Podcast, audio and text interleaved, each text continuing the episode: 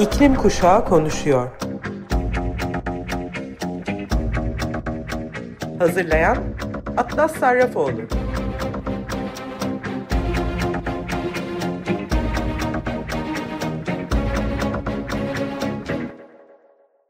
Merhaba Sayın Açık Radyo dinleyicileri. 95.0 Açık Radyo'nun İklim Kuşağı Konuşuyor programını dinliyorsunuz. Ben Atlas Sarrafoğlu.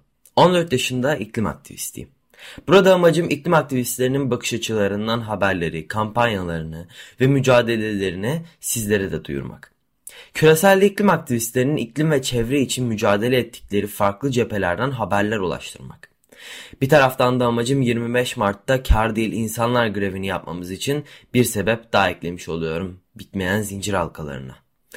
Ama öncelikle geçtiğimiz cumartesi günü Yeşil Gazete'de yayınlanan röportajımı size okumak istiyorum. Bu kez röportajımı Pasifik Okyanusu'nda iklim krizi sebebiyle batacak ilk ada ülkelerinden biri olan Tuvalu'dan Kato ile gerçekleştirdim. Bernard Kato Eweika Taoima, Tuvalu'nun başkenti Funafuti'de 25 yaşında bir genç iklim aktivisti. Kato, COP26'ya katılan ilk genç Tuvalu delegesi olarak tarihe geçti. Ülkenin yerli halkından olan Kato ile kolektif toplumun seslerini ve taleplerini yükseltmeye ve Tuvalu'nun çevresel ve insani krizini ele almak için dünyanın farklı noktalarından iklim aktivistleri olarak bir araya geldiğimiz ve sürdürülebilir stratejiler planlamaya odaklandığımız bu sivil toplum kuruluşunun ulusal lideri olan Saving Tuvalu küresel kampanyasında tanıştım. Kato ayrıca e, Fridays for Future Mapa'da e, oldukça aktif. E, Tuvalu üzerine çok çalıştığım için e, size Tuvalu'dan çok kısa bahsetmek istiyorum. Hawaii adası ile Avustralya arası Pasifik Okyanusu'nda yer alıyor. Komşu ülkeleri Kiribati, Samoa ve Fiji adaları olan Tuvalu 26 kilometre karelik bir yüz ölçümüyle 11 bin kişilik nüfusa sahip. Tuvalu dünyada e, Vatikan, Monaco ve Nauru'dan sonra en küçük ülke. İklim krizi kaynaklı denizlerin yükselmesi sebebiyle ilk batacak bölgelerden bir tanesi. Çünkü en yüksek noktası 4,5 metre. Şimdi röportaja geçelim. Bizlere doğup büyüdüğün Ada Tuvalu'daki günlük yaşantından kısaca bahseder misin? Her sabah 8'den öğleden sonra 4'e kadar işte oluyorum. İş sırasında boş vaktim olduğunda Saving Tuvalu ekibindeki iklim aktivisti arkadaşlarımla birlikte çalışıyorum. Kampanyalar yürütüyor ve iklim krizinin Tuvalu üzerindeki etkileri hakkında farkındalık oluşturmaya çalışıyoruz. İşten sonra antrenmana, rugby veya boksa gidiyorum.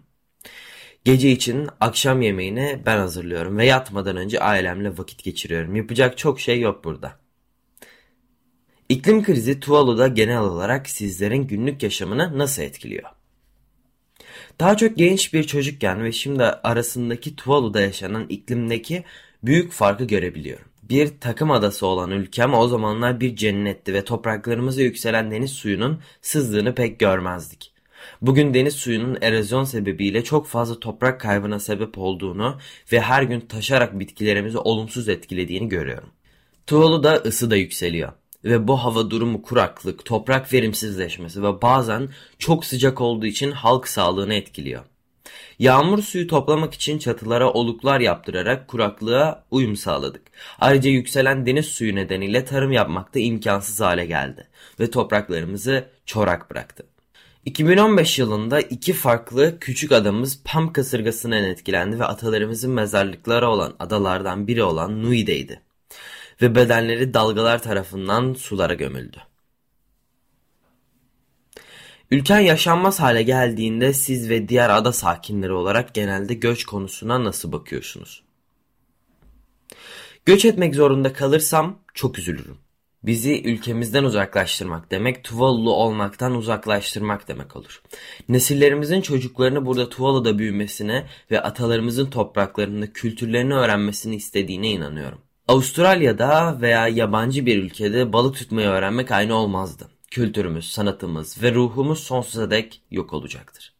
Peki hükümetin ülkende yaşanan iklim krizine karşı yaklaşımı nedir? Hükümet erozyon miktarını azaltmak için bazı noktalara deniz duvarları inşa etti. Ancak kum erozyonunu gerçekten durdurmak için yeterli olmadığını görüyoruz. Çünkü okyanustan karaya kum emerek toprağı genişlettiği için yeterli büyüklükte olmayan deniz duvarları inşa edilmişti. Hükümetimiz hala Tuvalu'yu eskisi gibi yaşatmak ve sürdürmek için uzun vadeli bir çözüm arıyor. Dünya fosil yakıtların kullanımını ve gezegenimizin ısısını durdurmak için bir tavır almadıkça yapılacak pek bir şey olmadığını da farkındayız. Dünya liderlerine hitap edecek bir mikrofonun olsaydı onlara iklim krizi hakkında ne söylemek isterdin? Keşke iklim değişikliğine neden olan tüm liderleri ülkeme getirebilsem. Sadece burada yaşanan iklim krizini görmeleri için değil. Bu krizi kendilerinin birebir hissetmeleri ve halkımın her gün yaşamak zorunda olduğu bu ıstırabı hissetmeleri için. Burası bizim evimiz ve onu kaybetmek istemiyorum. Ve kimsenin de kendi evini kaybetmek istemeyeceğine de inanıyorum. Sadece dayanışma değil aynı zamanda hepimizin birlikte çalışmasını da istiyorum. Çünkü Tuvalu gibi düşük seviyeli ülkeleri kurtarabilirsek dünyayı da kurtarabiliriz. Irkımız, ten rengimiz, ekonomik durumumuz veya yaşımız ne olursa olsun iklim krizinin sınırları yok. Ve şimdi harekete geçmezsek eninde sonunda her birimizi etkileyecek.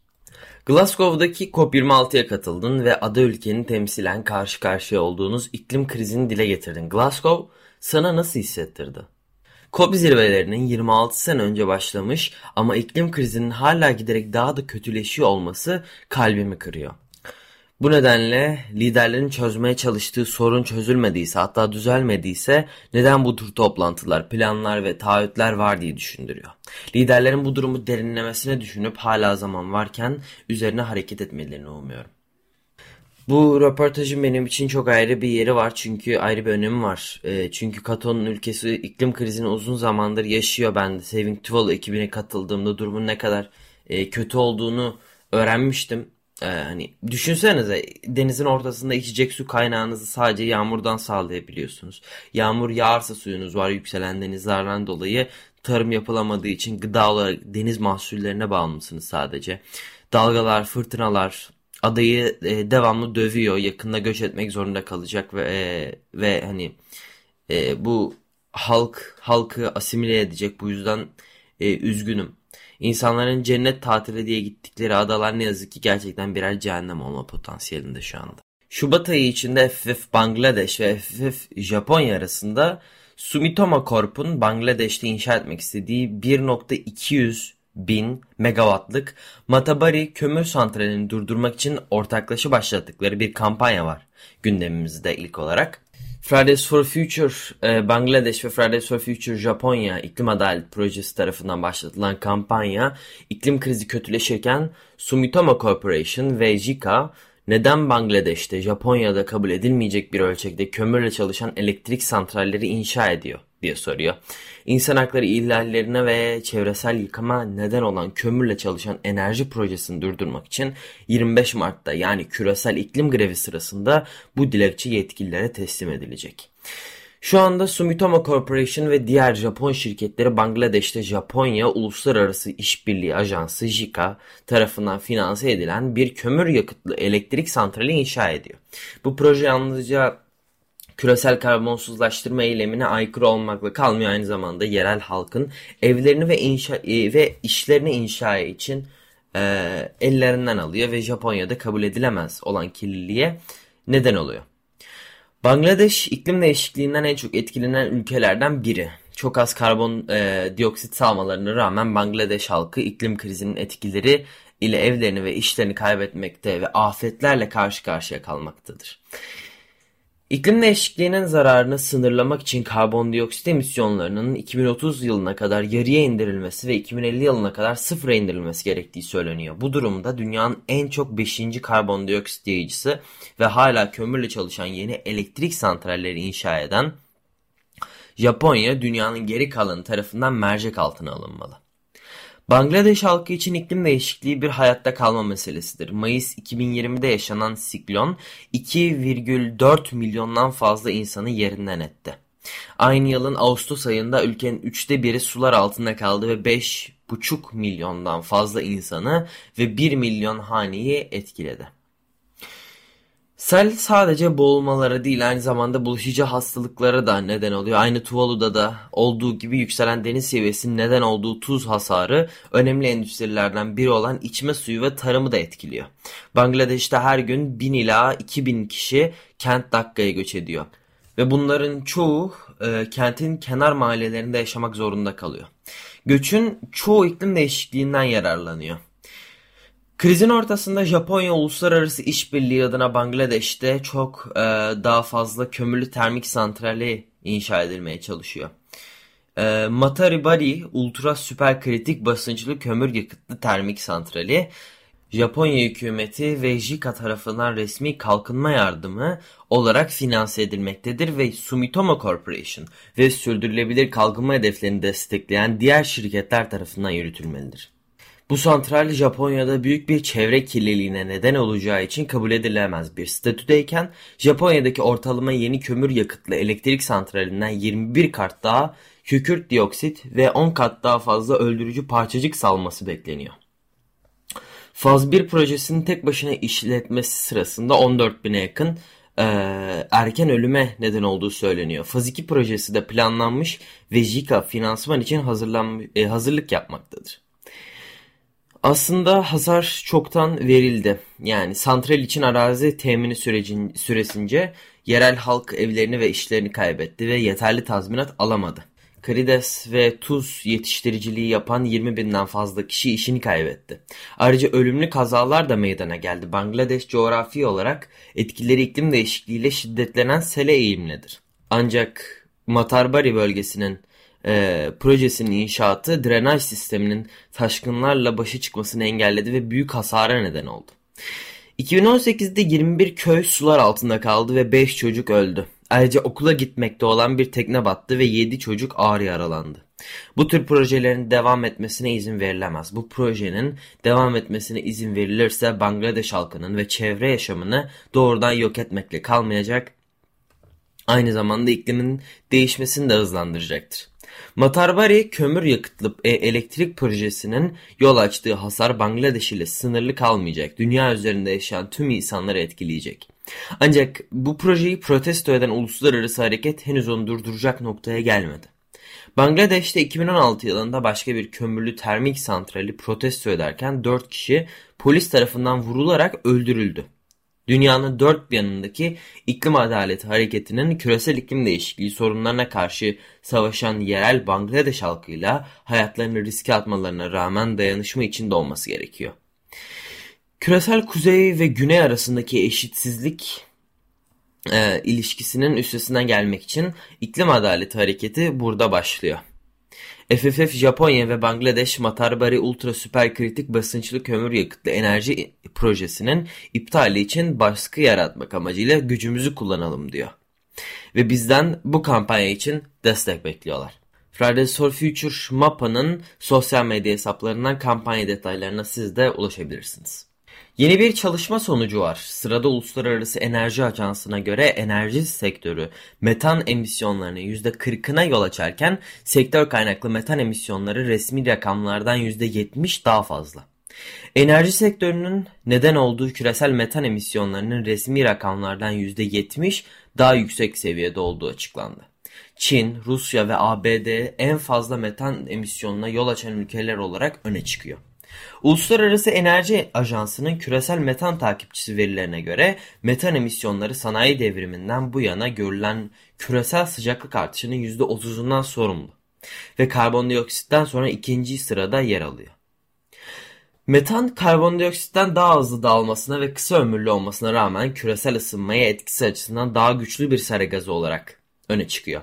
Bu nedenle metan emisyonlarının azalmasının küresel sıcaklık artışını sınırlamada daha hızlı bir etkisi olacağı öngörülüyor. Uydu verileri ve bilim temelli ölçüm yöntemleri son yıllarda daha fazla gelişmiş olmasına rağmen metan emisyonlarının ölçümünde eksikler bulunuyor.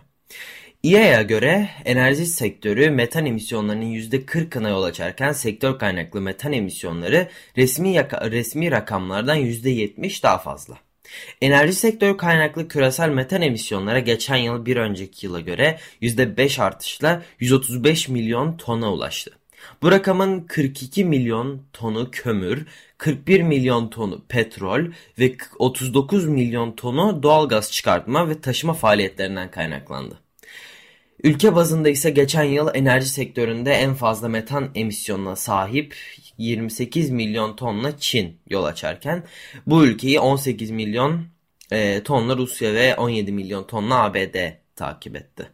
Norveç ise en iyi performans gösteren ülke olarak öne çıkıyor. Tüm petrol ve doğal gaz üretici ülkelerin faaliyetlerini Norveç gibi yürütmesi durumunda petrol ve gaz kaynaklı küresel emisyonların %90 düşeceği hesaplanıyor. Geçen yılki fosil yakıt e, faaliyetlerinin neden olduğu tüm metan emisyonlarının yakalanması ve satılması halinde doğalgaz piyasalarında 180 milyar metreküp ilave doğalgaz oluşacağı hesaplandı. Bu rakam Avrupa'nın elektrik üretim sektöründe kullandığı doğalgaz miktarına eşit ve piyasalardaki mevcut arz sıkışıklığını rahatlatmak için yeterli olacağı görülüyor. IEA Başkanı Fatih Birol verilere ilişkin değerlendirmesinde artan doğalgaz fiyatlarına dikkat çekerek şunları söyledi. Günümüzün yükselen doğalgaz fiyatlarında dünyanın neredeyse çapındaki petrol ve gaz operasyonlarından kaynaklanan metan emisyonlarının neredeyse tamamı hiçbir net maliyet olmadan önlenebilirdi. Metan emisyonlarının ölçümü açısından alarm veren bir eksik raporlama söz konusu ve bu konuda daha şeffaflık gerekiyor. Küresel metan taahhüdünün e, emisyonların azalmasında bir dönüm noktası olması gerekiyor.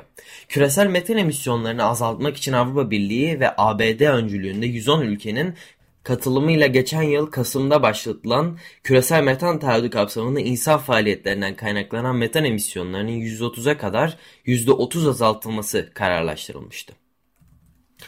Son haberim ise Türkiye'yi daha yakından ilgilendiren plastikler konusunda yılda yaklaşık 60 milyon ton plastik üreten Çin, Birleşmiş Milletler Çevre Konferansı'nın öncesinde gerçekleştirilecek yeni küresel plastik anlaşma görüşmelerine ilişkin olarak plastik kirliliğiyle mücadelede küresel çabalara destek vereceğini duyurdu. Dünyanın en büyük üreticisinin Çevre Bakanlığı yani Küresel Plastik Anlaşma görüşmesinden bir hafta önce yaptığı açıklamada Çin'in plastik kirliliğiyle mücadeleye yönelik uluslararası çabalara katılacağını duyurdu. Çin ayrıca atıkları azaltmak için mevcut politikalarını geliştireceğini de bildirdi. Yüzün üzerinde ülkenin temsilcileri Birleşmiş Milletler Çevre Konferansı'nın öncesinde plastik kirliliğiyle mücadele amaçlı bir anlaşmayı görüşmek üzere 28 Mart 2 Mart tarihlerine Nairobi'de bir araya gelecek. Bazı ülkeler üretim sınırlamaları çağrılarının yanı sıra daha fazla tek kullanımlık plastik ürünün aşamalı olarak kaldırılması yönünde taahhütler talep edecek. Reuters'ın aktardığına göre Çin Ekoloji ve Çevre Bakanlığı Sözcüsü Liu Yobin, gazetecilere verdiği demeçte Çin'in plastik kirliliğini engellemeyi amaçlayan cezalarla birlikte çeşitli yasal kısıtlamalar getirdiğini söyledi. Yubin, Çin'in küresel kirlilik kontrol çabalarına aktif olarak katılacağını da sözlerine ekledi. Yılda yaklaşık 60 milyon ton plastik üreten Çin, Eylül 2021'de plastik kirliliğine ilişkin 5 yıllık plan yayınlayarak 2025'e kadar bütün üretim ve tüketim zincirini kapsayan bir kontrol mekanizması oluşturduğu çağrısında bulundu. Ülke büyük şehirlerde tek kullanımlık ürünleri aşamalı olarak kaldırıyor. Çin'deki Dünya Doğayı Koruma Fonu WWF, Okyanus ve Plastik Programı lideri Patrick Yeung, yabancı plastik çöp ithalatını yasakladıktan sonra Çin'in 2019'da tehlikeli atıklarla birlikte Basel Sözleşmesi'ni plastikleri de içerecek şekilde değiştirmek için yapıcı bir rol oynadığını söyledi. Yeung, küresel çevresel ilerleme için liderlik sergilemeye devam etmek istiyorsa Çin'den bu tür hamlelerin daha fazla görmeyi umuyoruz dedi. 50'den fazla ülke yeni anlaşmanın plastik üretim üst sınırını belirlemesini istiyor. Ancak Çin'in konumu belirsizliğini koruyor. Bakanlık ise konuyla ilgili bilgilendirme yapmıyor. Greenpeace tarafından yapılan açıklamaya göre Türkiye'nin plastik atık ithalatı 2018 yılının başında Çin tarafından alınan yasak kararıyla beraber hızla artmış ve Türkiye 2019 ve 2020 yılında Avrupa'dan gelen plastik atıklarının en büyük alıcısı olmuştu. Greenpeace'in Nisan 2021'deki sağ araştırmasında çoğunluğu İngiltere ve Avrupa Birliği ülkelerinden ithal edilen plastik atıkların Adana'da yasa dışı olarak çevreye döküldüğünü ve açıkta yakıldığı tespit edilmişti. Ardından döküm alanlarından örnekleri üzerine inceleme gerçekleştirilmişti. Yasa dışı plastik döküm alanlarından toplanan toprak, kül, su, ve tortu örnekleri hem Greenpeace araştırma laboratuvarlarından hem de bağımsız bir laboratuvardan bilim insanları tarafından incelenmiş. Adana'da tespit edilen dioksin furan miktarının kirletilmemiş toprak numunesinin 400 bin katı ve şimdiye kadar Türkiye'de toprakta rapor edilen en yüksek toksik düzey olduğu tespit edilmişti. 1 milyonu aşkın plastik atığın üçte birinden fazlası İngiltere'ye aitti. Adana'daki yasa dışı çöp yakma alanlarında bulunan plastik çöplerin büyük çoğunluğu yine İngiltere ve Almanya başta olmak üzere Avrupa ülkelerine ait hazır gıda ambalajlarıydı. Ağustos 2020'de yayınlanan Interpol raporu 2018'den bu yana yasa dışı plastik kirliliği ticaretinde endişe verici bir artış olduğunda tüm detaylarıyla ortaya koyuyordu. Evet Sayın Açık Radyo dinleyicileri bir iklim kuşağı konuşuyor programının daha sonuna geldik. Ben Atlas Sarrafoğlu. Sizleri Pixies'den Monkey Gone to Heaven şarkısıyla e, uğurluyorum. Haftaya Cuma saatine 2'de görüşmek üzere. Tekrar görüşene kadar gezegenimize iyi bakın.